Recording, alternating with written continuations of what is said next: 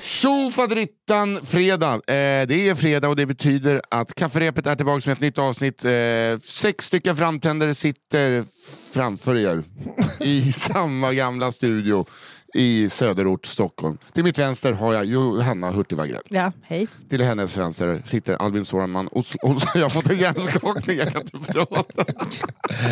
Hallå, hallå. Albin Sårman Olsson. Yeah man. Och sen sitter han Nils-Henrik Louis, tidigare Almström Hallberg. nu har du äntligen två efternamn. Ja, tidigare. Var att där, du hittade det perfekta sättet eh, att få ett längre namn. Vad heter det? Men hur många här är det som har sina framtänder intakta? Är det Nej, inte jag. inte du? Inte jag heller. Nej, jag vet, det var det jag ville komma till. Men du har alltså också... Alltså jag har, eh, men jag har chippat en liksom. Aha. Jag, Jag hade ju en, den ena jag slog ut nu var ju en lagning. Den andra var en ny. Ja, Jag drog i backen på en Voi. ja det gjorde Som, du. eh, och, och vad har jag lärt mig av det här? Att det är billigare med taxi än Voi. Mm. Just För det. nu kan jag, hade jag kunnat åka taxi för 20 mil kronor. Just det. Eh, 25 va? För, du, för att du fick in provisoriska Ja, nu. pro- pro- provisoriska för 5, men sen blir det 15 Ah, okej, till okej, 20 okej, till. okej. Så att, eh, vi kan landa på 20. Men lite kan landa synd för de eh, sprack liksom bara. De gick inte ut. De ramlade Nej, de, det såg ut som att någon hade skjutit eh, en golfboll. Ja, just det. Ja, jag Så att det såg. blev liksom en rundad. Väldigt cartoony Ja. eh, tandskada. Och varför är det... Dennis the Menace. Och, och, alltså, jag läspade så mycket, var ledsen också. Och dagen efter var jag jätteledsen. Så vet man typ gråter så att det visslar lite. Nej men eh, det roliga när jag la ut bild, alla killar är bara Fan behåll det! Behåll det bara! Vad är det, varför vill ki- bara, Det ser riktigt nice ut, Henrik Nyblom, direkt. Ja det ska du ha kvar. Nej, jag ska inte ha det. Men alltså på riktigt, Henrik Nyblom var, alltså han har verkligen varit den bästa stylisten som jag någonsin har haft. Ja ja, men eh, när det, oj, där kom du. På Eh, vilket sätt? Eh, nej men han var bara bra. När vi spelade in eh, i um, Svenska nyheter, Mm. jag spelade in lite såhär, uh, inslag typ. just det, jag Så kommer var han ihåg till det. varje gång, han bara den här har jag gjort en moodboard till. Gå ut och köp den här, de här grejerna. Och jag tycker att du ska ha smink där du drar ut, alltså, tänk den här tjejen. Och så skickade, han skickade moodboards på mina luckor till varje. Oj. Otroligt. Jag vet exakt vad jag behöver. Min Ja, det är lite som att gå till en skallig frisör ändå. Att man tänker så, vad fan vet du om hår? Ja, men han, visste, han var bra. Ja, det är blev bra. Svinbra på. Ja. Eh, men just min moodboard var att han skickade en bild på mig själv och sa behåll det. Ja, ja. Ja. det var lite mindre... Och då har jag aldrig gått till tandläkaren så snabbt. ja, det är ingen babbelpodd för ni eh, nya lyssnare här, utan det här är kafferepet. Mm. Kafferepet går ut på att svenska folket skickar in historier som eh, de själva varit med om, eller kanske hört om från sin hembygd eller nya stad. Skrönor, sägner, hittepå, eh, sanningar. Ja. Mm. Vi ho- hoppas ju på sanningar. Ja, ja. Ja. Vad heter det? det måste vi säga nu. Vi har slut på stories. Har vi slut på stories? Vi har det. Ja. Har Jag skrev det. har- nej, har vi inte du slut? din egen systers... Nej, för att jag har en hjärnskakning. Oj då. Eh, jag kan inte läsa utan mina tänder. Här är ett kort Men- som kan spelas gång på gång. eh, nej, Okej, så vi har slut på stories. Ja. Det har vi. Ni måste skicka in. Eh, ja, ni måste skicka in stories till kafferepet at underproduktion.se. Ja, låt oss hålla det här haveriet vid liv. För jag tycker det här är så vi- jäkla roligt. Ja, annars kommer vi behöva fejka stories, som Hassan fejkar stories. Just det. Ja, fick de? Aha. Ja, ja. Eh, Vilket alltså, scoop. Ja, men det är inte, jag är, Det är inte först att outa Nej, det. det är inte. Vet du att parlamentet inte är helt improviserat också? Jag har ju varit med själv. Ja, jag bara det säger. kan jag inte bekräfta alls. Nej men annars kommer vi bli tvungna liksom att gå ner på färre och färre stories. Ja. Så kanske vi bara sitter alla tre här så berättar bara Nisse en historia och så skrattar vi åt den. Och sen. Ja, eller så kommer det, alltså, vi har liksom, det är 60, eh, jag vet att vi har 60 stories om folk som skiter på sig utan punchline. Eh, det kommer vara då i 10 avsnitt. Ja. Vet ni vad? De vill, de vill jag höra. Nej men då får du läsa dem Ja, själv. tack. Ja. eh, Det kommer bli en extra special episode. Mm. ett, ett cigarrum, som är vår andra podcast ska vi säga. Som heter Cigarrummet och vi en gång i månaden bjuder in en känd svensk humorist som berättar saker ur sitt liv. Ja. Och så ställer vi frågor. Det är liksom som ett värvet med skratt. Mm. Där, det är liksom som den här podden fast vi slipper spekulera för man kan, man kan fråga hästen själv Ja. vad som hände. Och, och ibland spekulerar ju hästen. Ja. Jo, i och för Ja. sig också. Vi hade Ina Skott här, fattade inte ett ord av vad hon sa. Förlåt? Ja, det är en Där har en häst. häst, ja. Klamydia running. Jag tror att det är till och med en död häst. Ja, det är en död häst. Eh, nej men precis, så, så funkar den här podden. Och eh, vill man bli prenumerant, för då måste man prenumerera för att höra Cigarrummet och det kostar 29 kronor i månaden och då går man in på underproduktion.se eh, slash cigarrummet. Ja. Ja. Men hur, om man inte vill att historierna ska ta slut så skickar man ju in då till... exakt, som jag sa innan till underproduktion heter det inte, kafferepet Just det. at underproduktion.se. Vad fan, ni sitter ju på stories, jag vet Ja. det. Och jag vet att jag, det var en kollega till oss som skickade att han, han har då historier på en viss eh, kortväxt person som misstogs för en stolpe. Ja, så finns det fler? Finns det fler? Ja, Fan, go Ricky! ja älskar Ricky. Ja, Det var alltså verkligen. vinnaren förra veckan. Men förstår ni vad Ricky sitter på för historia? Ja, Lyssnar han ens?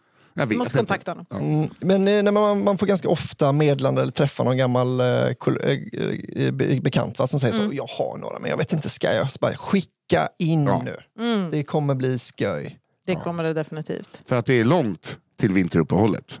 Det, Det är en bit. ju. Ja. Och uppehåll verkar inte göra någon vidare nytta heller. Sommaruppehållet precis har varit och står. Ja, är är nästan. Men jag tror att vi också har fått in en redaktör som är mer kräsen. Ja, Så kan det vara. Så kan det vara. Men eh, så att vi kommer läsa tre stories var. Vi kommer läsa dem för första gången och det kallar vi för ja visst det. Avista, som klassisk musik. Vi läser för första gången. Just. Eh, och sen kommer vi välja ut den historien av de nio. Tänk på en sak, om man är klassisk musiker va? Mm. och det är en klassisk musik. Hur kan, hur kan de inte ha hört, liksom, de måste, vara- de måste ha hört stycket någon gång innan? Eller? Eller är det klassiskt? Hur kan man säga att liksom, ett nytt Jo, jo, stycke men, är inte eh, om, klassiskt? okej, men om du har hört eh, hela Run to the Hills, Ja. Men du kanske aldrig har spelat den på klarinett. Okej, inte f- liksom på, men man har ju, det är liksom inte så. Ska jag fortsätta berätta vad podden går ut på? Ja, gärna. det här kan du spara till Simon Gärdenfors och Anton Magnusson podcasten. Vi ska läsa tre stora svar. Avista, som i klassisk musik. De har aldrig hört det här klassiska stycket alltid. innan. Så är det alltid. Vad det du vet av en femma? Ingen aning. Att man kan säga, man, man är, ja, jag är slut som klassisk musiker nu för nu har jag spelat alla. Då kan jag exakt. spela Mavista igen. Exakt. Och eh, då kommer vi välja ut en av de nio storiesarna som kommer bli eh, eran att ta och kuta med och säga Just det här var min kompis syrra med om. Exakt. Det är podden. Ja. Det är precis det som är Enkelt podden. som fan. Ja. Jag gjorde en så himla pinsam grej häromdagen men jag kunde liksom inte hålla mig för jag kommer ihåg hur rolig jag tyckte storyn om han som kunde rita så likt var. Ja. Så jag lyssnade på den. jag gick tillbaka, alltså jag hittade liksom avsnittet och spolade fram till Ja, det den. Det är så, men då slog det mig hur kul det var för eh, jag tror att mitt skratt i långa delar blev ju bortskilt för det var liksom tyst stå, långa perioder för att jag liksom inte Ja. riktigt Du fick grät, alltså, du, Jag du grät. grät och inte med glädje i ansiktet. Men det Du var roligt ledsen. att lyssna på för då lät det bara som att jag började skratta lite och sen var ni helt tagna av hur mycket jag hade skrattat. det, blev, det blev en ganska kul effekt av att du som aldrig drar på munnen. Ja. Johanna har skrattat. Ja. Du får skratta mycket. Du får skratta, Jag började skratta väldigt mycket igen när du läste. skratta Faktiskt tydligare så att det inte blir tyst i podden. Den Ja, personen har hört av sig till mig också som skickade in en story. Mhm. Mm, Det är en person jag känner också. ja kul. Ja, så, eh, det, då blir det ännu roligare att du bara pissar på hur han skrev. Det gjorde jag ju inte. jo, det gjorde hon. Jag kommer aldrig mer skicka in någonting. Jag blir retad för mitt konstintresse. Vinnare av två skämskuddar Men alltså nu är det som att ni, ni, ja, ni tolkar mig taskigt nu. Jag, Nej, nej, nej, jag skojar ju bara för att jag är lite ångest. Men vem ska eh, börja den här? Nu kommer jag eh, liksom dra igång det här. jag tror att det är jag som börjar va? Ja, det kan det. Och vad betyder det att jag är headline? Headline comedian. Mhm. Det är du och jag är den nya nollan som måste börja. Mm. Eh, Då ska jag bara hitta vad fasen, jag är lika förberedd som Nisse brukar vara. Så, Oj, oj, oj, oj, oj, oj, oj, oj, oj, vi går ut hårt. Okej. Eh, den här överskriften, jag vet inte, det känns som att den är skriven till er. Ronny Jeremy. Oj. Mhm. Ronny Jeremy. En liten kul ordvits på den kända porrskådisen Ron Jeremy. Just Sedermera metooad och eh, out. Han bara, jag har inte gjort det här. Vi har över 4000 filmer, bevismaterial. Verkligen. eh, jag vill dela med mig av en historia jag kommer att tänka på när jag hörde om den läraren som råkade visa upp sin frus text, sexmeddelanden för hela sin klass. Oh, älskar att de inspirerar varandra. Ja. Otroligt. Okay, detta hände runt 2010. Jag jobbade då som snickare på ett mellanstort företag i Stockholm. Några väl utvalda från vårt företag hade blivit inbjudna till en leverantör av byggvaror för att få se en ny gummiprodukt för vattentätning som man börjat introducera på den svenska marknaden. Oh, föredömligt torrt hittills. um, vi var cirka tio personer som åkte. Det var allt från chefer till tekniskt sakkunniga till hantverkare. Allt för att göra en så samlad bedömning av den nya produkten som möjligt. Efter att vi fått en praktisk demonstration av hur denna produkt såg ut, vilka delar den bestod av och hur man skulle montera den var det dags för en powerpoint-genomgång av de tekniska specifikationerna. Då byggbranschen på den tiden var allt annat än digital uppstod det genast problem. Mys. Den enda personen som hade presentationen på sin dator fick det inte att funka och till slut kom man fram till att chefsäljaren skulle koppla upp sin egna dator på storbildsskärmen och köra en improviserad presentation med hjälp av den information som fanns på tillverkarens hemsida. Oh, chefsäljaren. Ja. It's gonna be bad. Hörrni, jag har gjort det här i år. Ja. Ja, vem fan behöver... Nu kör vi. Verkligen. Sagt och gjort. Han speglade sin skärm på storbildsskärmen och började med långsam pekfingervals skriva i webbadressrutan. A. En lång rad av tidigare hems besökta hemsidor visades i rullgardinsfönstret. M. Urvalet tunnas ut till tre, fyra stycken. A. Nu finns bara ett val kvar. Amateur Teen Gangbang. Nej! Oh, mörkret. Av alla. Åh, vad glad att det är en sån lång titel. Oh. Det är roligt med amateur teen gang. Och det är verkligen så här barnporr och ett fruktansvärt eh, klipp kommer jag vilja hitta. så, jag vill se många personer som är dåliga på att knulla samtidigt. Ja, jag vill inte att det här ska vara kontrollerade former och jag vill att det ska vara någon minderårig med många gubbar. Varsågod. Åh gud! Jag vill bara, Det skulle jag vill lika gärna kunna stå säga- ett övergrepp tack. Jag vill, bara, jag vill bara säga att man är faktiskt eh, tonåring tills man är 19. Well, that's not what they want is it? That's not when it's called teen gangbang. It's not. Ja, det var inte för att försvara mig själv utan bara Jag- att man inte behöver säga Jag tycker inte är... han behöver något försvar heller.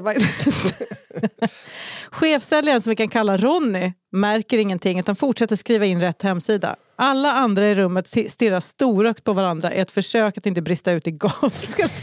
Varför? Huruvida någon berättat detta för honom i efterhand vet jag inte. Men för oss är han alltid Ronny Jeremy. Och hans vattentäta produkter går under benämningen Snusk-Ronnys gummisnablar.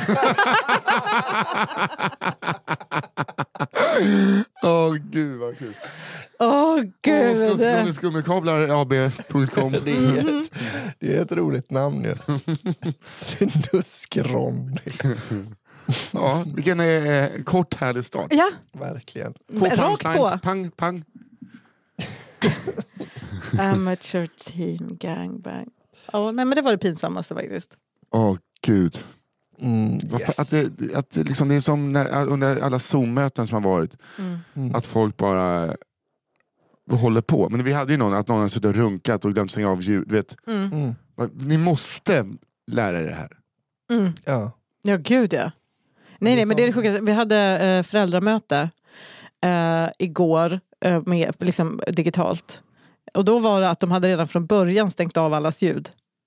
Och det var eh, liksom ändå Mm. vissa som inte stängde av kameran. Alltså de flesta stänger av kameran Ja. också för att det är bara listen in.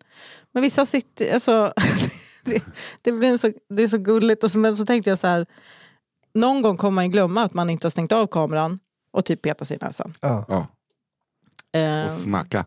nej, åh, vad äckligt. Och Jugge Lööf. Mm. Rullar som bollar och kastar in dem i munnen. I munnen. Nej.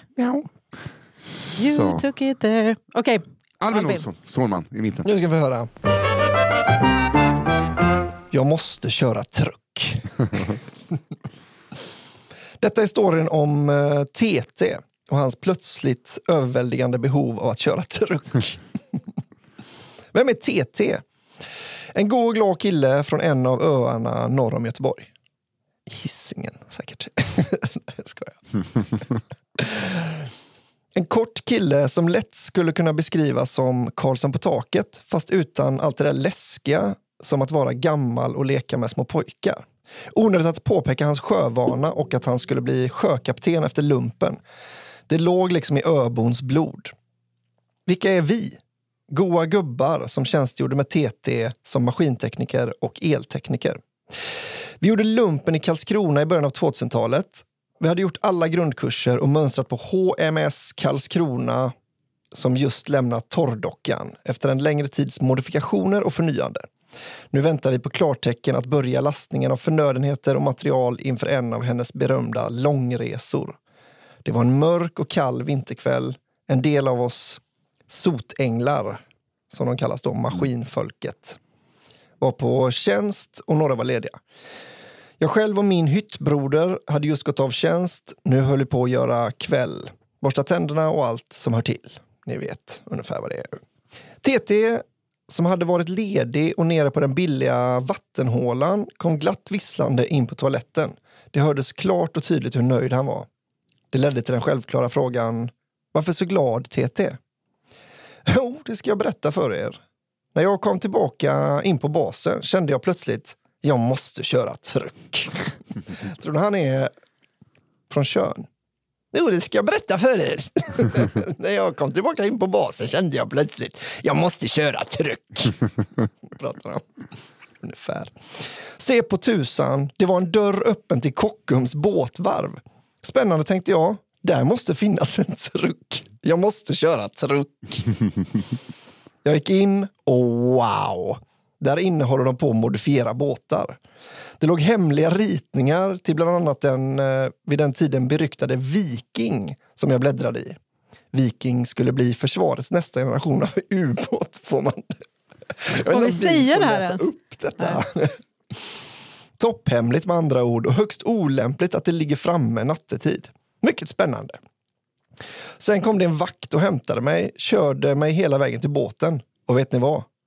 Han ringde skeppan som mötte mig vid landgången och han märkte inte ens att jag var full, inte en susning. Så jag kunde bara sträcka upp mig när det behövdes. Mm, fräckt med ritningarna. Men fick du köra trucken? Nej, jag hann inte innan vakten kom.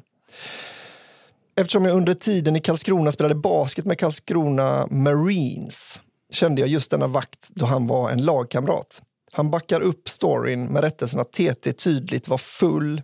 Det gick inte att dölja. Några år senare bodde jag i Arvika. Döm om min förvåning när TT kom knallande på mataffären. Vi snackade lite om tiden efter lumpen och jag var nyfiken på om han blev sjökapten och vad det var för, vad för båt han styrde. Och var. Nej, jag är truckförare. jag kunde inte hålla mig för skratt, garvade rakt ut och upprepade hans mantra för den kvällen. Jag måste köra truck. Så vitt vi vet kör TT fortfarande truck och är lycklig med livet. Vad är det här för jävla glad historia? En kille kom på på ett, eh, fyllan, jag måste köra truck. Hittar liksom verkligen eh, hemligstämplat material. Men får inte köra truck. Och sen börjar jobba med att köra truck. Det är liksom på kafferepet. Truck. Truckrepet. jag tror det stod mellan att, att börja bygga ubåtar och köra truck. Fine, nu kan jag. där, okej nu har jag liksom, det här kan jag sälja till Ryssland. Där står en truck. Jag Truck, truck, truck, truck, truck, truck, truck, truck. Ja, det där, men det är, alltså jag, blir, alltså jag blir väldigt, väldigt glad när det är så snälla historier. För att det kan komma bara från ingenstans eh, kan det komma eh, något hemskt. En fruktansvärd historia om en död kanin. Eller någon som runkat till sina föräldrar och käkat pizza. Ja, otroligt. Alltså. Här kommer min första då. Historia nummer tre. Det fruktade rånet. Hej! Jag vill bjuda på en historia som utspelade sig i en liten småstad i Mellansverige för några år sedan. Jag hade precis börjat jobba på ett nytt jobb i en större butik och kände varken chef eller kollegor särskilt bra. Jag var även ganska ung och lite ängslig av mig, ska tilläggas. Mm, det kan det vara på ett. Det är läskigt med nya jobb. Området där butiken ligger är lite stökigt och våra kvällsöppettider drog till sig ganska lustigt folk. Så jag nämnde var jag redan lite ängslig av mig vilket gjorde att jag alltid hade ögonen öppna efter någon misstänksam person. Speciellt kvällstid. En kväll hände det. Det kom in en man med smutsiga kläder, uppspärrad blick och har en mobil i handen. Han rör sig sakta i området jag jobbade och tittade sig omkring. Rätt som det är tar han upp mobilen och ringer till någon. Det är bara, det är bara en person med smutsiga kläder som ska ringa och köpa en banan. Samtidigt som han sätter sig på huk och tittar in mot buti- butiken. Jag blir livrädd. Ja, det hade jag också blivit. Jag tänker att det är nu det, är nu det händer. Jag måste verkligen ta tag i situationen. Jag kommer på att min kvinnliga chef jobbar ikväll och borde befinna sig i butiken. Jag tar telefonen och ringer henne. Och följande konversation utspelar sig. Jag. Hej, du måste komma. Det är en riktigt skum person i butiken. Min chef. Okej, jag kommer. Hur ser han ut? Det här är ett gastkramande drama i två delar. Jag. Han är extremt ofräsch, ser ut att vara uteliggare, en knarkare skulle jag tro. Han är smutsig och har en otäck blick. Han ringer till någon i butiken, tror att han kommer råna oss. Det här är bara fördomar. Min chef svarar, det låter inte bra. Jag kommer. Men kan du beskriva honom en gång till?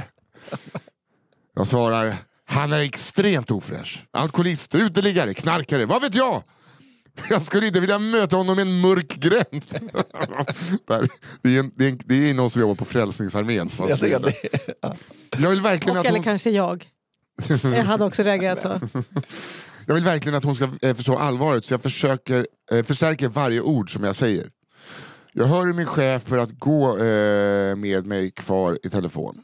Mannen står nu och tittar på mig vilket gör mig livrädd. Jag säger, han tittar på mig. Han är så äcklig. Kom snabbt. Plötsligt hör jag något i telefonen som gör mig illamående, svettig och svimfärdig. Min chef. Är det han i svart jacka? Det är min man.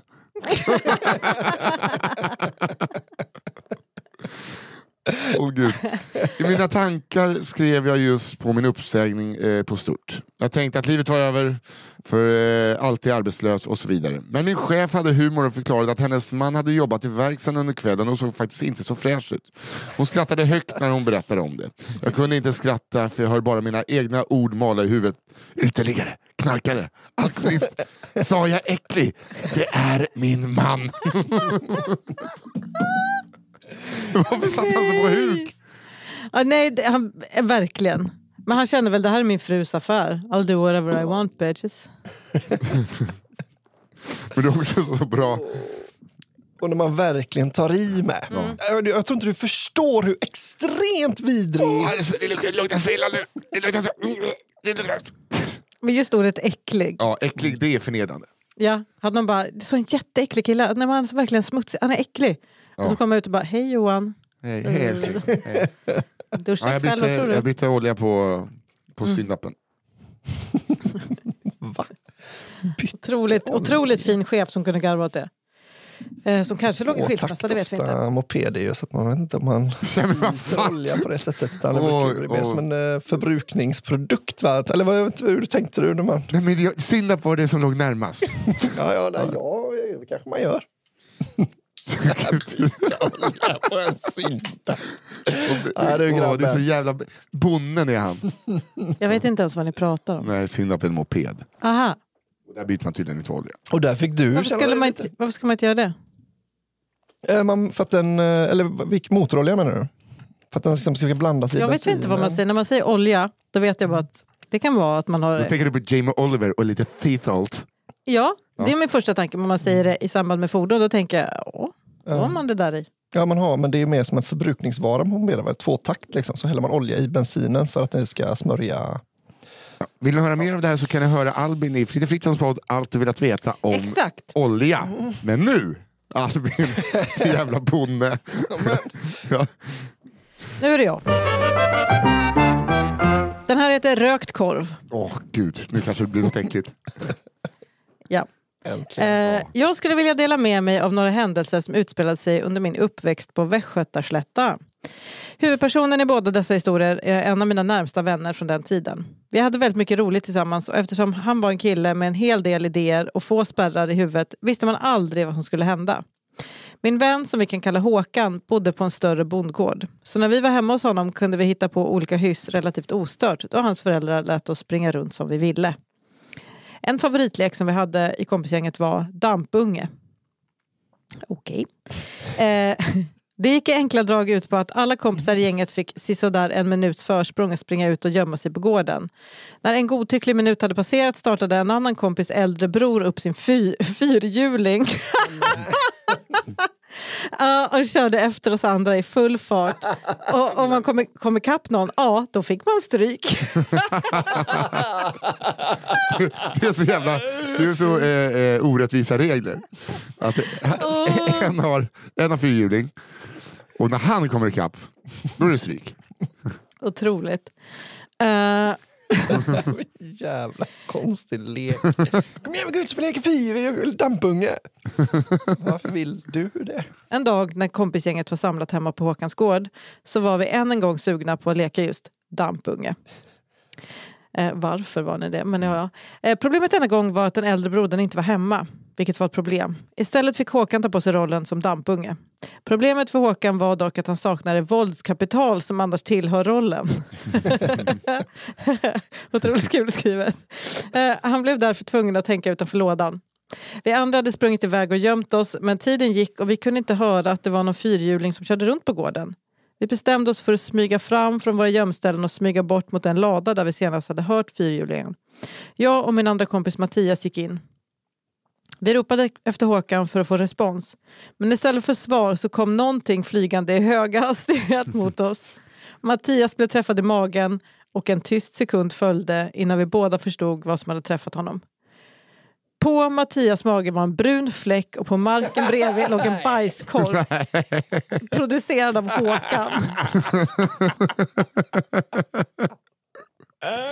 Man tagit det man haver. Och fy fan vad äckligt. En annan historia, det var slut där. Men alltså, ja, det är verkligen inte fel. Det är inte odampunget. Nej, nej, nej. Det är Det tillhör leken, trafik, ja. 100 procent. Ja. Okej, jag har inte våldskapitalet, men jag har bajs. Jag har dampet. Fast och fin avföring. Det är fiberrikt. Ja, den har fått trycka ut om man ska kunna sula den. Hur som helst. ehm, en annan historia med Håkan som fastnat i minnet var när vi var på ortens badhus med skolklassen för att lära oss simma. Efter att simlektionen var färdig fanns det alltid en lucka innan bussen gick tillbaka till skolan igen. Var man då snabb med att dra av sig så hann man sitta ett litet tag i bastun innan man var tvungen att byta om. Just denna gång blev det sig inte bättre än att Håkan kände att han var tvungen att gå på toaletten. Jag skulle nu kunna säga att det var den vanliga kissa på aggregatet som Håkan, vanliga, herregud. Ja, men det Killar, var, ja, det var det vanliga. Det var ändå en klassiker lite. Luktar bränt bröd. Hallå? Hallå, ja. Johanna Ja, 87 hade, hade inte ni behövt sätta er på aggregatet så hade det pissats på aggregatet Ja. i tjejernas bastu. gud nej! Det är det Gud. som är så himla tydligt för mig. Tjejer, ni, ni, ni, vet, ni vet att det här det är så. Det är bara, Ja. Vi går vidare. Det hade gjort sig fiffibomber om det hade gått. Jag tror att tjejer alltid kissar i den där spannen med vatten och häller på. Ja, ja, det gör Det är liksom inte alls omöjligt att kissa på varandra. Det är bara det att det liksom aldrig ens kommer in i huvudet att man kan göra det. Vilket i och för sig gör oss till sämre entreprenörer senare i livet, så vad fan. Det, det är jätteroligt. Glöm inte bort att du sa det där. Nej, nej. Annars knackar jag. ska jag få äta upp. Jo, jo. Eh, just det. Jag skulle nu kunna säga att det var den vanliga kissa på aggregatet som Håkan hade fått för sig att göra, men nej. Håkan satte sig istället på huk i bastun och började klämma ut en korv. Mm. Det blev en mild panik i bastun då alla killar i klassen vet vad Håkan kan vara kapabel till. Men han är ju redan gjort det liksom. Där låg den då, den bruna korven. Men istället för att kasta den på någon av oss andra som vi var rädda för så plockade istället Håkan upp korven. Han ville utföra ett experiment. Taket på bastun bestod nämligen av flertalet plankor med utrymme mellan sig. Han tog upp korven och ställde sig upp i bastun för att lägga upp korven på en av plankorna i taket.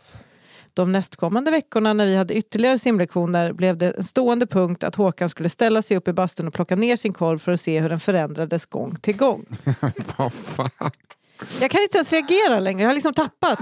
Men varför, varför sket han på aggregatet? Det är liksom... Nej, men det gjorde han inte va? På, han sket väl på bänken bara. Jaha, okej. Jag jag såg framför mig att han först sket där så gav det lite grillyta och sen rök den. Maillard-effekten. Så vass. Ibland tappar jag liksom livsgnistan på något sätt. Okej. Med åren har vi alla flyttat ifrån varandra och har tråkigt nog inte lika bra kontakt längre. Men Håkan har idag en ingenjörsexamen och har flyttat tillbaka till sina föräldrars gård med sin egen familj. Så vitt jag vet har ingen officiellt avslutat hans experiment i bastun. Snart ska dock badhuset rivas, så kanske blir det någon som hittar en korv som passerat bäst före-datumet. Men Men, Men fortfarande var den någonsin bäst? Det är väl det. Alltså, no, det känns som att man, vi borde vara bara liksom, två steg ifrån. En lyssnare känner någon som har städat en bastu någon gång. Verkligen. Hör av er. Hur gick det egentligen med... Hur förändras egentligen en bajskorv i en bastu över liksom 15 år? Jag, vill, jag, är, ointresserad av det svaret. Vill jag. Jag tror att det ser ut som en sån liten, liten, vet, en sån liten kotte. alltså, en sån pytteliten kotte. Eller att de hittar plankan och så, det, det kan ju vara det. Men ni har väl sett hundbajs i natur? Det blir ju så hårt och, hårt och lite Ja, svart. men jag tror att det är så här kan bli lite som du vet marmortrappor och så ser man eh, som gamla, eh, vad heter det? Eh, Fossiler? Fossiler. Ja. Ah. Alltså, Bajsfossil i furu. Tänker jag att det Nej, men det blir inte hårt. Det måste bli ganska sprött. Men det är fuktigt där uppe. Mm, men jag tänker, för det, den är ju nästan liksom slow cooked. Ja då. Att, det är, att den är pulled. Att det blir, att det blir en bra... Jag orkar inte hålla på med de här kvällningarna. Chili. Shitty. Chili con carne. Ja. Okej, Albin Zorman Ja. Olsson. Filmskaparna. Mm. Här kommer en liten historia från mina egna hemtrakter. Jag är uppväxt någonstans i utkanten av Borås och umgängeskretsen kryllar av original och svårsmälta individer som på många sätt besvarar de fördomar folk i storstäderna har om oss lantisar. Min berättelse kretsar kring två individer, låt oss kalla dem Jöns och Johan. Jöns. Är hjälten är i den här historien. Dessa två vänner har känt varandra sedan barnsben. Det finns många berättelser rörande dessa två. Som till exempel den gången Jöns slog Johan i huvudet med ett järnrör för att han lämnat en fest för tidigt. Oj, oj, oj. Eh, Efter att ha festat långt in på småtimmarna bestämde sig Johan för att nej, nu är det dags att krypa till kojs. Detta hade Jöns svarat mycket negativt på, då en fest aldrig får avbrytas på grund av trötthet. Han hade då hittat ett järnrör liggandes på gårdsplanen, gått in i stugan där Johan precis somnat, ställt sig upp i sängen och drämt till med rejäl kraft rakt i huvudet på det slumrande offret. Han gick sedan ut ur stugan, tillbaka till sig och fortsatte dricka med de andra vännerna. Medan Johan låg kvar i sängen i förmodade plågor. Det tog lång tid innan Johan fick veta vad som hade hänt då han dagen efter trodde att han drabbats av tidernas kraftigaste baksmälla. Det var i själva verket en smärre hjärnskakning. Relatera till det. Mm. Jag tänker mer att det som utspelar sig sen är att han hittas död och det tar några månader att utreda vad som, vad som hade hänt. Exakt. alltså himla tur att han Ja, överlevde. verkligen. Jag tänkte slå dig i huvudet med ett järnrör. Men okej, har du tänkt på vad som kan hända då? Nej. Ja, Men Jöns don't give a flying Nej. fuck. Nej, inte, verkligen inte. inte. Jöns inte. Han fascinerades också över den stora bulan han fått i ansiktet som hängde ner över ena ögat. Det var sannoliken ingen vanlig bieffekt av baksmälla. Flera månader senare fick Johan veta vad som egentligen hade hänt när en kompis berättade detta. Vilket resulterade i ett kort avbrott i deras vänskap. Men den händelse jag nu ska ta upp äger rum i Kungälvstrakten. Där Jöns Oh, huserade. Albin! Yeah, Nu kör vi. Båda var under denna tid i 16-årsåldern. Johan och Jöns var ganska olika till personligheten, men de hade en sak gemensam. Film. De var båda oerhört intresserade av att spela in film och gjorde detta så fort de fick tid. Kvaliteten på filmerna kan liknas vid hemmasnickrade franska konstfilmer, fast helt jävla värdelösa. Well, Så. det är också en liknelse som funkar. Filmerna var oftast korta komedier fyllda till bredden med interna skämt, dåligt skådespeleri och pålagd skatepunk från tidigt 2000-tal. Så högt att dialogerna blev helt ohörbara. Trots det svala mottagandet från allmänheten spenderade Jöns och Johan sina dagar med att massproducera denna skit. Publicera på nätet och jubla högt av de tolv visningar filmen till slut fick. Denna dag som händelsen ägde rum skulle självklart en ny film spelas in. Men denna gång skulle det bli en riktig mastodontfilm.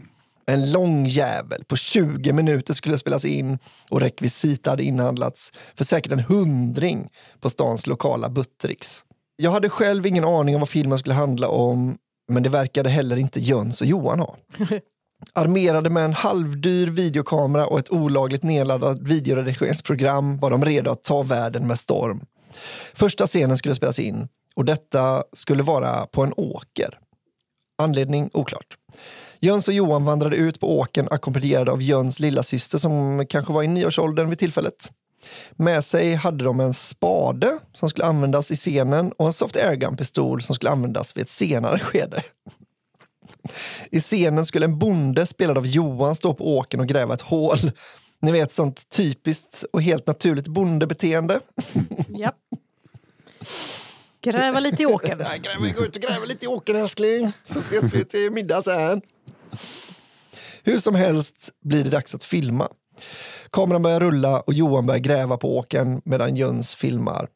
Då skådespelet inte höll fick de filma om scenen flera gånger och inspelningen drog ut en del på tiden. Plötsligt började sirener ljuda i fjärran, vilket inte alls var ovanligt i Kungälv då. Eller nu för den delen. Detta var inget de reagerade mer än eh, att det sabbade ljudbilden i filmen. Oro började dock krypa närmare när även ljudet av sirener gjorde det. Plötsligt kunde vännerna skymta två polisbilar dundrande längs, fram längs eh, landsvägen. Innan någon riktigt hann reagera svänger båda poliserna av från vägen rakt upp på åken Eh, som mest bestod av blöt oktoberjord. Båda bilarna fräser upp bara några meter framför filmgänget och ut kommer två poliser. Den ena relativt lugn och sansad medan den andra mest kan beskrivas som en rojdad Hasse Brontén.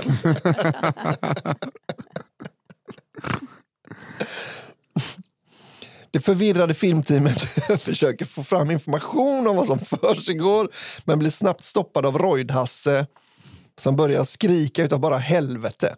Han lägger all fokus på Jöns som i sin hand har sin medhavda soft airgun och skriker till honom att släppa vapnet. Jöns i sin enfald svarar polisen genom att visa upp pistolen för polisen. Förklarar att det inte alls var en Åh riktig... gud! Bara släpp det. Kolla! Det är... Hej, kolla, det är ju! Ska jag skjuta dig i knät så ser du, det händer ingenting. Kolla, jag gör mantelrörelsen och så bara... När Jöns väl riktat pistolen mot polisen Nej, vad fan Jöns? svarar Royd-Hasse instinktivt med att dra sitt eget tjänstevapen mot Jöns och skrika ännu mer intensivt. Släpp vapnet och ner på marken! I detta läge Den fick... polisen är så glad att det händer någonting Ja, riktigt. gud ja. I detta läge fick Jöns i total panik snabbt släppa sitt vapen och lägga sig ner på marken. Samtidigt började den medhavda lilla systern storgråta. Och vad gäller Johan hade förmodligen lite bajs lämnat hans kropp vid detta läge. När samtliga blivit muddrade och förhörda på plats kunde situationen emellertid lösas då polisen konstaterat att det faktiskt var en soft airgun som Jöns hade i sina ägor. Det visade sig att en granne hade sett gängets filminspelning från sitt fönster och direkt uppfattat händelsen som en gänguppgörelse.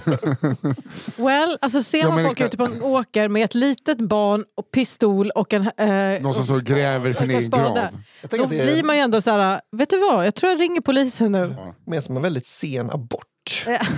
Man ska ge sig av med en nioåring. Ehm, från håll kunde det nämligen se ut som att en person grävde sin egen grav på åken medan någon grym jävel filmade spektaklet med ett vapen i högsta hugg.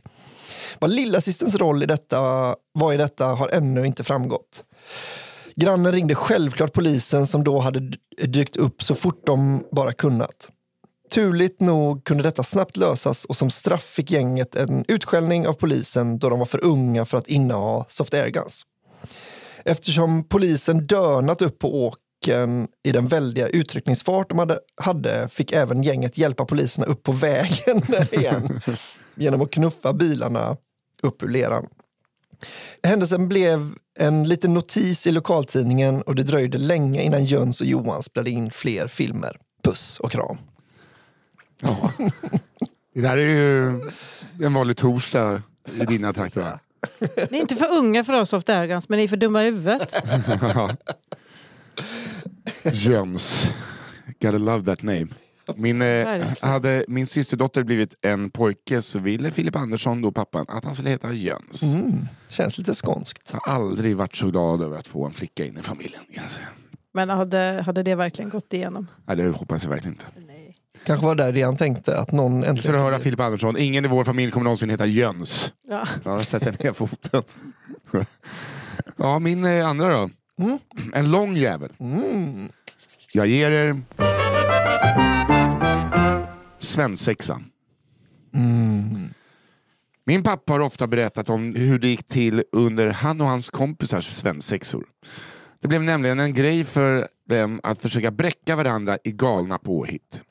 Detta inkluderar saker som att planera vitt pulver i folks ficka och se till att bli tagna i tullen.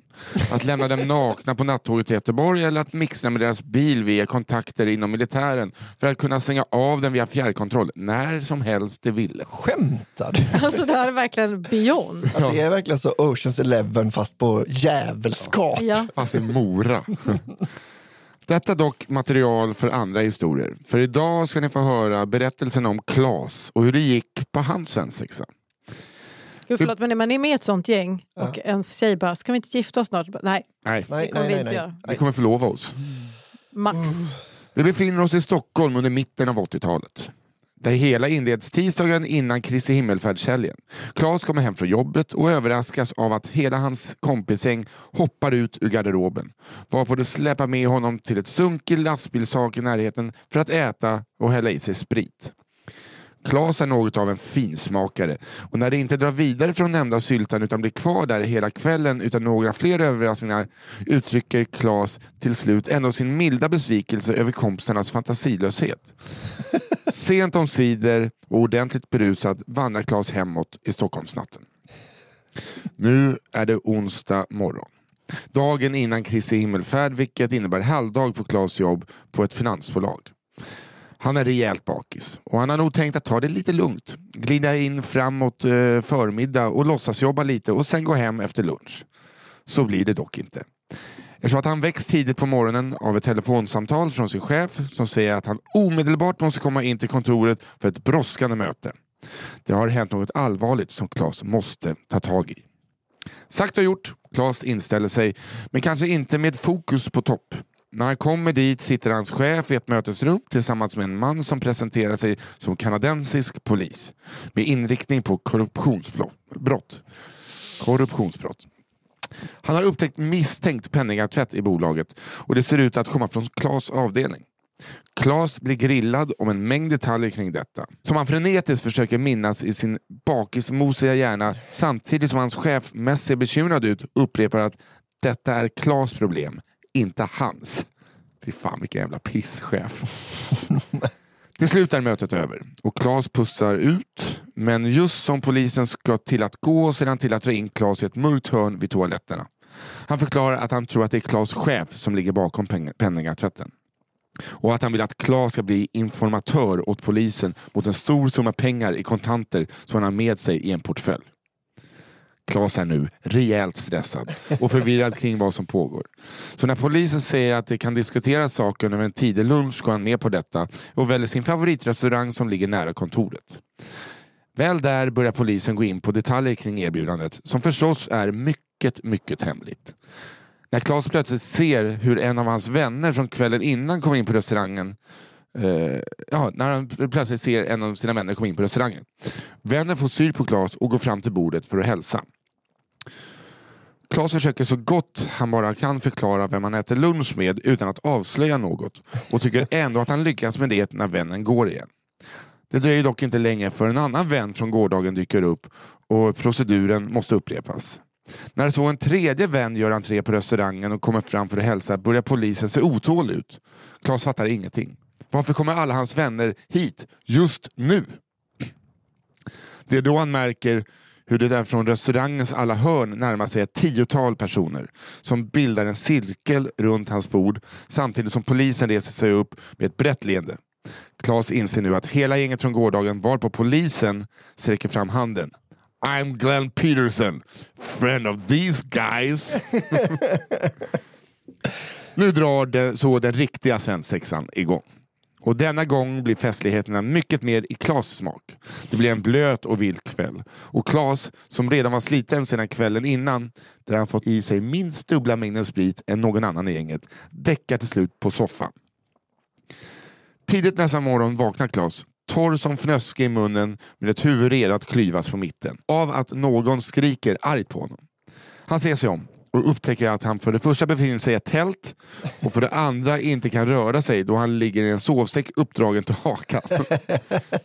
Förtvivlad och förvirrad ropar han på hjälp och blir bryskt utsläpad ur tältet av en arg greenkeeper som frågar honom hur fan han är funtad som tältar mitt på en golfbana. Bara timmar innan årets största tävling ska börja. Åh gud. Eh, Klas är inkapabel att resa sig upp och till slut tröttnar greenkeepern och ringer polisen som får forsla bort Klas. Det som Klas inte märkt på grund av sovsäcken eh, och sitt svårt alkoholpåverkade tillstånd är att han helt saknar kläder samt att hans högra ben är gipsat från foten till, till höften.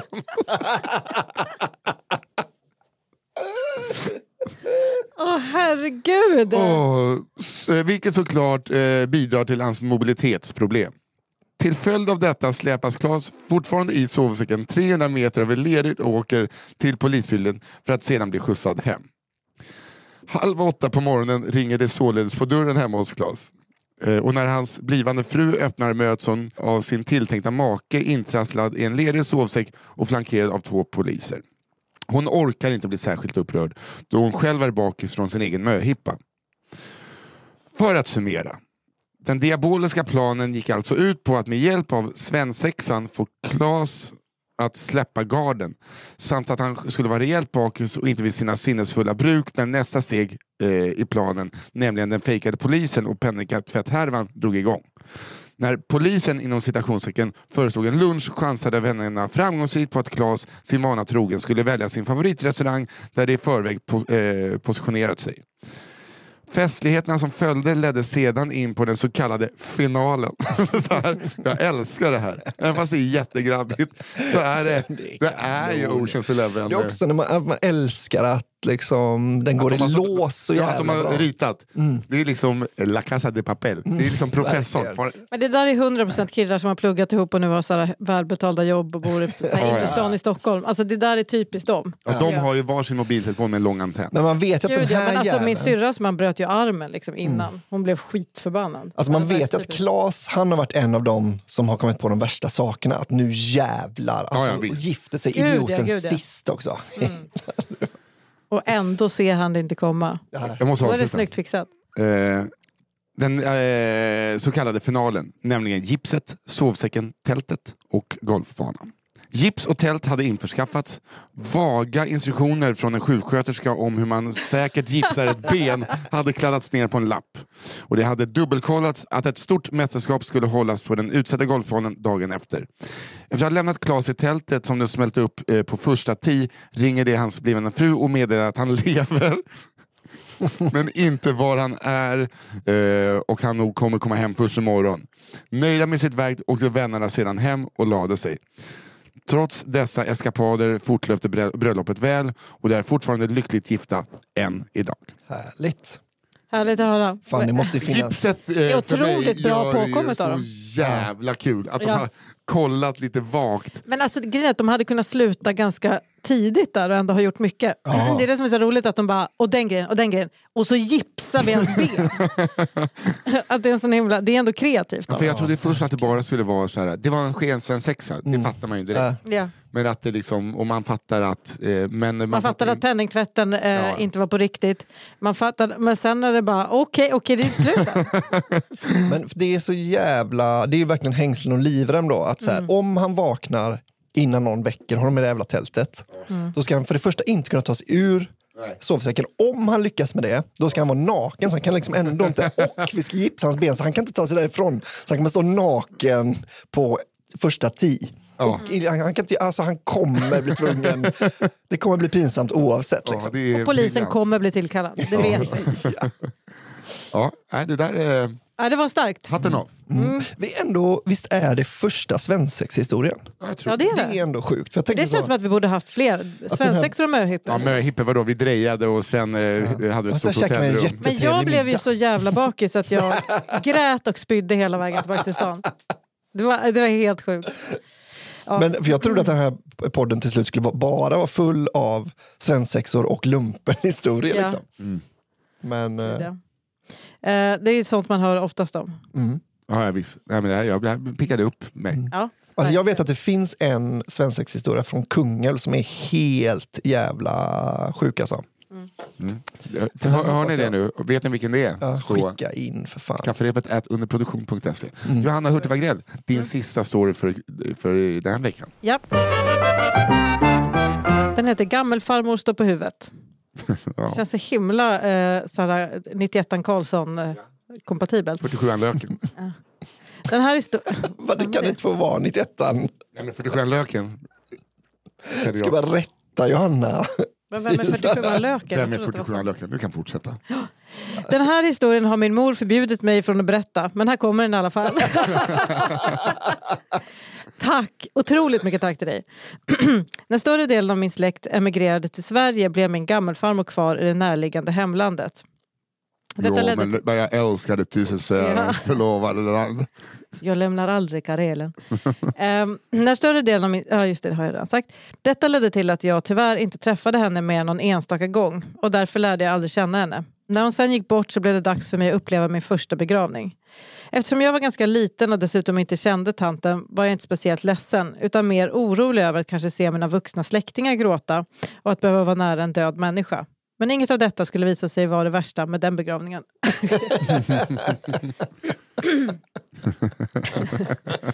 Eh, Eftersom tanten blev så väldigt, väldigt gammal han även hennes barn bli väldigt gamla. Vilket är varför hela begravningssällskapet höll andan när hennes skröpliga 70-åriga söner traditionsenligt plockade upp kistan för att bära henne till sin slutdestination. Gud. Jag har bara sett, det där är så vackert med alltså så här, begravningar där man fortfarande bär kistan. Ja. Att det går liksom allvarsamma män. Och bara, jag vet inte, det är något så himla Fan fint. jag, jag inte, alltså får jag någonsin det jobbet kommer jag tacka nej. För vi vet ju alla hur det kommer. Och du kommer att stå på en Ja, voj ja. förmodligen och dra ut framtänderna. Jag har tyvärr inga tänder kvar nu för jag bara, bara med kistan. Sorglig begravning. Synd bara att du tappade Varför får, man, kistan. varför får man en sån här? Jag slog i Men du lägger till den för att du vill känna dig lite ämlig och för att Ja, folk det är tycker synd och om dig. gråten i halsen. kanske. Ja. Nej, det är lugnt. det är faktiskt helt okej. Okej, Färden gick långsamt och med allt mer darrande händer och knän. Men det var inte förrän kistan var framme som den lilla tantens vikt blev för mycket för de sörjande gubbarna. Och ett felgrepp ledde till att kistan störtade ner med en fasansfull fart mot graven med kortsidan först. Det kom två dunsar, en från kistan när den träffade botten av graven och den andra dunsen kom inifrån kistan när gammelfarmor troligtvis föll ihop med huvudet före och landade som en säck potatis i botten av kistan. Mm. Man gjorde naturligtvis några försök att få upp kistan igen men utan framgång. Med risk för ytterligare tragedier bestämde man sig därför helt enkelt för att fortsätta begravningen och låtsas som ingenting. Åh, jättefinskt! Jag är ledsen morsan. Sorry. Bara fortsätt. Sör bara sör.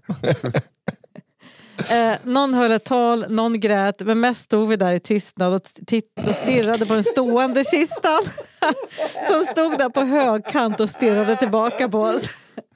Men vad fan. Det var det sorgligaste jag sett men också något av det sjukaste och jag kämpade emot ett hysteriskt skrattanfall under resten av ceremonin. Och hon har gjort citattecken på ceremonin. Um, jag kunde inte låta bli att föreställa mig hur tanten stod där på huvudet i kistan med benen i vädret och kjolen upp och ner. Det var i alla fall otroligt tyst i bilen hem men jag hörde mina mostrar fnittra hysteriskt senare på kvällen från övervåningen. Vi har inte pratat mer om det sedan dess. Har lite ångest nu, hoppas ingen lyssnar. Vila i frid gammelfarmor. Vad Nej fan. då. Jag tror att gammelfarmor hade bjussat på det där. Nej, men alltså, jag vill, alltså, om jag, någon bär ut mig, Jag hade- känner henne rätt. Jo men det är väl skillnad på dig. Jo men vad fan, det är ju kul att de inte gör något. Att de inte- De bara... Eh, Jo, det är lite Ja. den Topsy und Wolf-scenen i Yrrol. Åh vad dumt. Mm. Topsy und Wolf. Ja, för fan. Vad underbart Tack tycker för jag. den. Ja, Jättefint tack. att du delade med dig. Ja och, eh, verkligen, tack. Jag tror att det här också kommer bli en sån... eh, Att det liksom kommer öppna upp för folk. Så, ah, men okej, det var inte så farligt. Det här fick inte han säga. Nu kör jag in mina historier som Ja. jag inte får lov att berätta. Ja. Bara byta namn och så här till exempel, det kunde varit Norge. Ja. Alltså, ja, jag det, vet jag inte såg vart- inte ens Finland, det var ju bara jag som tog. Det är inte så många nor norrmän som fl- flydde hit under finska vinterkriget. Tänker jag. Var det under finska vintern? Nej, jag gissar att det var det. Men de har ju också haft ett krig menar jag. ja, men det finns norrmän här. Så ni. Ja gud ja. Jag har det är för att ni är stockholmare tror jag. Jag är ju med västkust. Alltså, Ja. Jag ser med norrmännen. Varför de skulle vilja flytta till Sverige. Ja, skit i det nu. Här kommer min sista. sista. Sillstryparen. Mm. Mina föräldrar har ett sommarhus i ett litet fiskeläge i Bohuslän som i likhet med andra fiskelägen i just Bohuslän de senaste 20 åren blivit ett turistparadis. I min ungdom spenderade jag somrarna där och blev god vän med ett antal andra sommargäster i min egen ålder. Antalet vänner i sällskapet var satt i ständig förändring. Men de permanenta i gänget var jag, Fredrik, Johan och Konrad.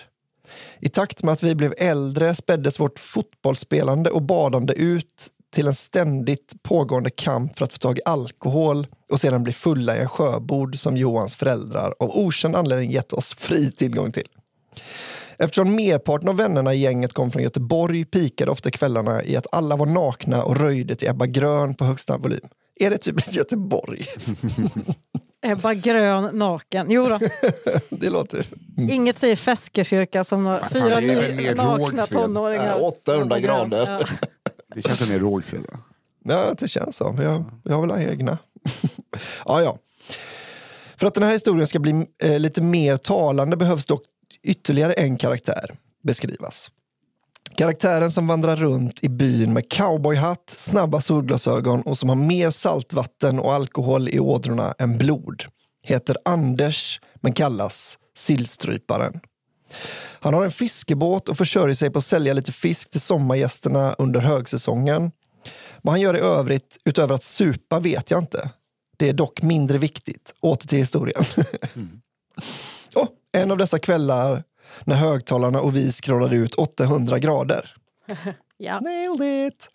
Lika nakna som vi föddes förkunnade Fredrik att ett nakenbad i den stilla natten skulle ta festen till nästa nivå.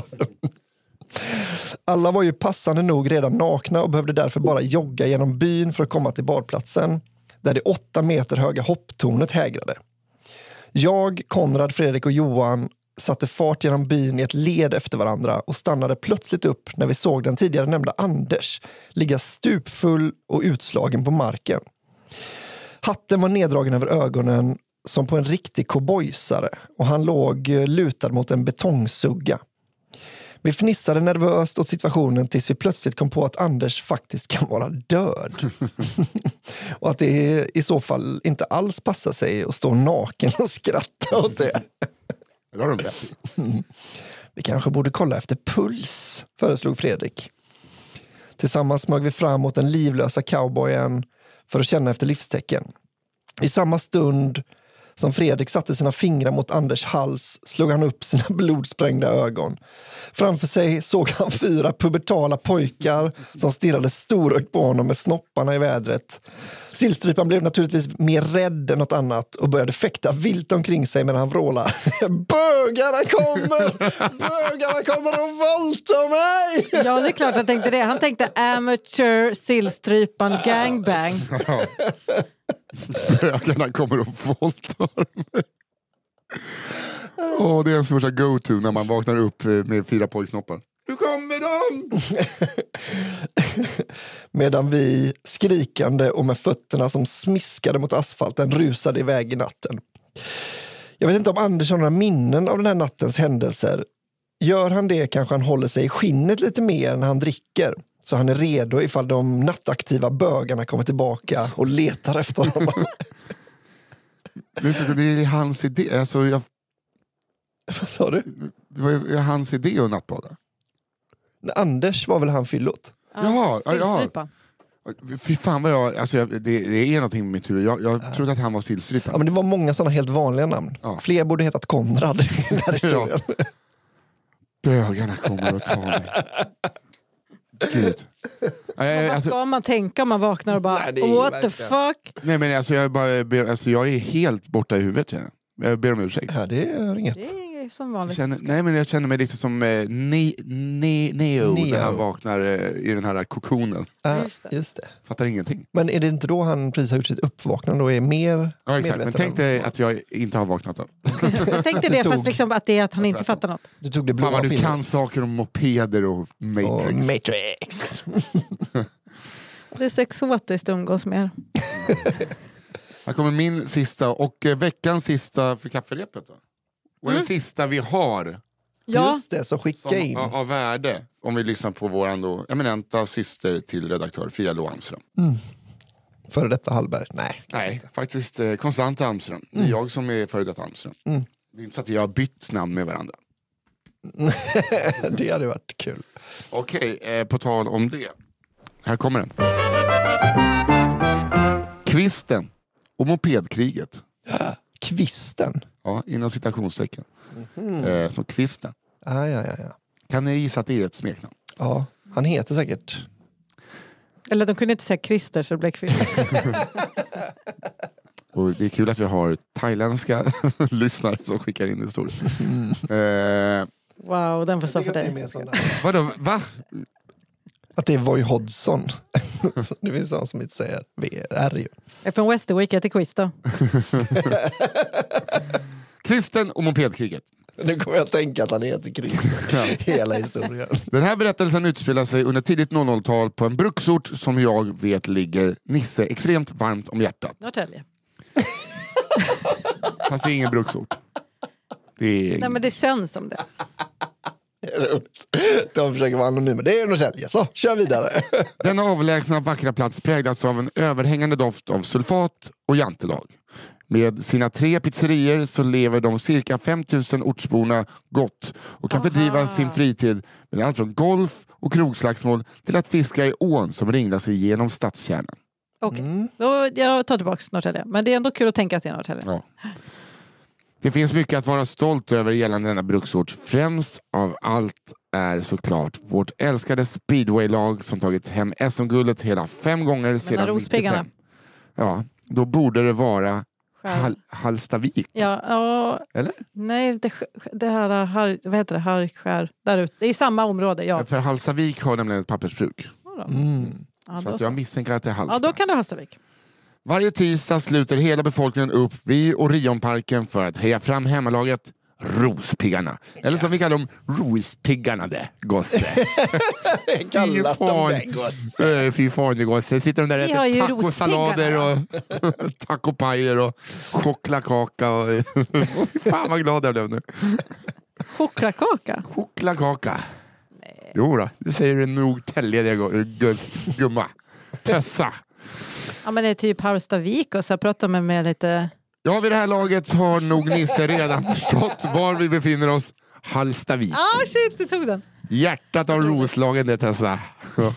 Huvudpersonen eh, för den här berättelsen har plågat Roslagen med sitt rättshaveri i minst 30 års tid. Det pågår fortfarande. Troligen... Förlåt, jag vill bara säga att jag är 100% säker på att i de här områdena så finns det mer att hämta. Ja, det finns så fruktansvärt mycket att Men hämta. Ja. är också varannan ungefär från Norrtäljetrakten. varannan historia vi får in ju. Men det här är inte Norrtälje, det här är liksom längre upp. Det är Tierp, Gimo, Hallstavik. Halmstad, det för fan jag har inte varit i Halmstad gosse. det är en lång historia så att vi, vi, vi pinnar på. kör. Kör, vi kör. Det pågår fortfarande, troligen i skrivande stund och kommer göra fram till dennes pension. Det finns inte en enda person i hela kommunen som inte har en historia att berätta om denna ökända man. Nej, exakt. Så skicka in. Den här berättelsen handlar om en polis. Låt oss kalla honom Kvisten. Han heter Kvisten. 100%. Kvisten är erkänd för att vara en helt skamlös polis som sätter dit allt och alla. Han verkar inte bry sig det minsta om sitt anseende och har ingen fingertoppskänsla för när det kanske är läge att låta något gå förbi. Varken kollegor eller familjemedlemmar går säkra. Oj. Ett Älskar såna poliser. ett exempel på detta var när hans son Jonny var i tonåren och hade en kompis hemma på kvällen. Kompisen hade kört dit med sin moped, vilket genast fångade kvistens uppmärksamhet. Kvisten smög ut och granskade mopeden på uppfarten och fann till sin alldeles för stora glädje att en blinkers var trasig. Okej, nu hatar jag honom igen. Han väntade ivrigt uppe resten av kvällen tills kompisen skulle åka hem. När Johnnys kompis till slut skulle dra så hann han bara åka ett par hundra meter innan han hörde polissiren bakom sig. Det var kvisten. Han hade tänkt ta en whisky, kvisten. Ja, fast nej, Men nej, nej, inte idag. Den är Nej. godare efter ett gripande. Vi får en famous konventare. Han hade hoppat på sin polismotorcykel i bara pyjamas för att kunna ge kompisen böter för sitt oförlåtliga brott. Stackars Johnny blev sedermera kallad konstapel Johnny resten av högstadietiden på grund av sin pappas minst sagt osköna attityd. Men vår historia utspelar sig ett par år tidigare. Långt innan Johnny fick ärva sin pappas synder. Året är 2005. Det hade under den här tiden inkommit många klagomål på befolkningen i Hallstavik om buskörningar på trimmade mopeder. Det hade blivit för lätt för 15-åringar att komma undan eftersom de patrullerande poliserna var så få. Klagomålen och anmälningarna blev så många att polisen fick sätta in sin starkaste pjäs på att lösa problemet. Kvisten. Det tog inte lång tid innan kvisten hade köpt in någon speciell typ av crossmotorcykel för att lättare jaga ikapp ungdomarna. Han poserade stolt och hotfullt på bild med sin nya motorcykel i Norrtälje Tidning som en typ av absurd krigsförklaring mot Hallstaviks 15-åringar. Polisen började även göra räder mot högstadiet där det beslagtog fler mopeder varje gång. Insatserna var effektiva och det blev lugnare på gatorna väldigt snabbt. En modig tonåring vägrade dock acceptera kvistens herravälde och tänkte sätta hårt mot hårt. Han, han hette Gustav och hade precis fått en skinande ny eh, moped i konfirmationspresent. Gustav var en fartgalen kille som älskade motorsport och hade längtat efter sin moppe i flera, flera år. Hans inställning var att han lika gärna kunde springa om han bara får köra på den lagliga gränsen, vilket är upp till knappt 45 km i timmen. Ingen polis skulle få stoppa honom från att göra vad han vill. Speciellt inte kvisten. Det gick dock illa för Gustav redan på den första dagen under hans jungfruresa med mopeden. Han hade precis varit hemma hos en kompis och fått den trimmad. Redo att imponera på polarna. Första resan var ner till centrum dit han plöjde fram i cirka 70 km i timmen. Då hörde han plötsligt det ödesdigra ljudet av sirener bakom sig. Han tittade sig bakom axeln och såg rakt in i ögonen på en mörk visirhjälm. Kvisten. Gustav var redo. Han hade nästan längtat efter det här ögonblicket. Han svängde tvärt på en grusad gångsid som tog ut honom på en väg. Gustav trodde för en sekund att han var fri. Ljudet av sirener var borta. Han tittade bakom sig och såg crossmotorcykeln närma sig. Kvisten var inte redo att ge upp så lätt. Han hade också längtat efter det här ögonblicket. Gustav hade dock ett sista S i rockärmen. Han vek av in på ett bostadsområde och körde mot en park. Kvisten var tätt efter honom. Där körde Gustav rakt igenom en stor häck i ett trångt undangömt hål och kom ut på andra sidan med grenar och blad över kroppen och skrapsår på halsen. Bakom sig såg Gustav hur kvisten tvekade, bromsade och kraschade in i häcken i en, i en låg hastighet där han blev fast bland grenarna. Skrattande och jublande körde Gustav därifrån. Han hade vunnit. Vänta. Otroligt pinsamt och verkligen, så här, verkligen långsamt ramla in i eh, ah! Man vet också att det här som skriver detta, han, är så, att, han tänker så att alla vet ju att man måste dörna genom Ja, en ja. häck, annars kommer man ju fastna man ju på som att det är liksom Vega genom en häck. allmän kunskap. Senare samma kväll var det speedway match, speedway match i Orionparken. Gustav, likt alla andra på orten, var där. När Gustav och hans kompisar stod i korkön såg han lilla konstapel Jonny som alltid gick på matcherna med sin pappa. Då fick Gustav en idé. Han skrev ner ett meddelande på en lapp, gav det till Jonny och sa Ge det här till kvisten. Den stackars lilla förvirrade Jonny tog emot lappen och gick tillbaka till sin pappa. På lappen hade Gustav skrivit Det var jag som körde ifrån dig idag. Känn dig ägd. Jävla bögpolis.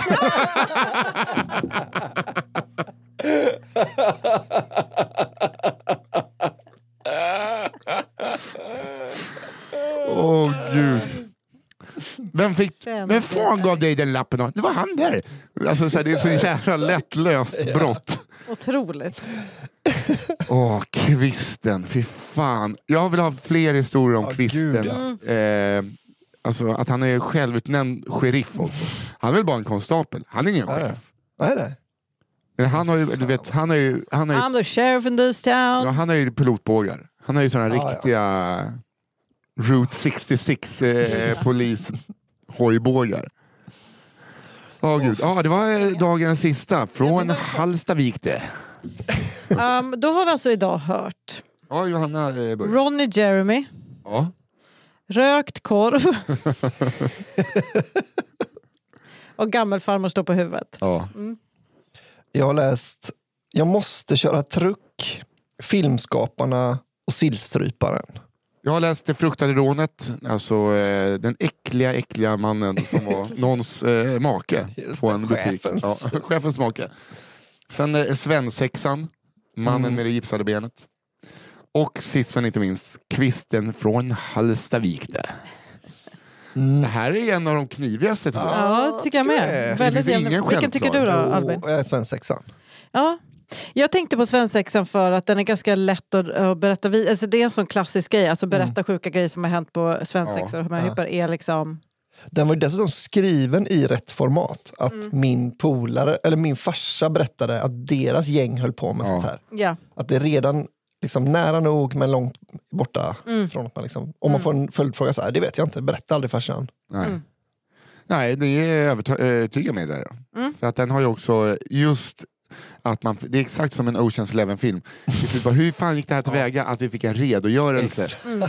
Att de hade fått en sjuksköterska som ja, pe- liksom halvt som halvt hade sagt hur man typ gipsar säkert. Och ändå har de lyckats gipsa benet på dem. Så det Det måste är man väl gå och alltså, ta bort någonstans? ja, det blir lite som en Sune Sommar när han Mm. gipsar Rudolfs ben.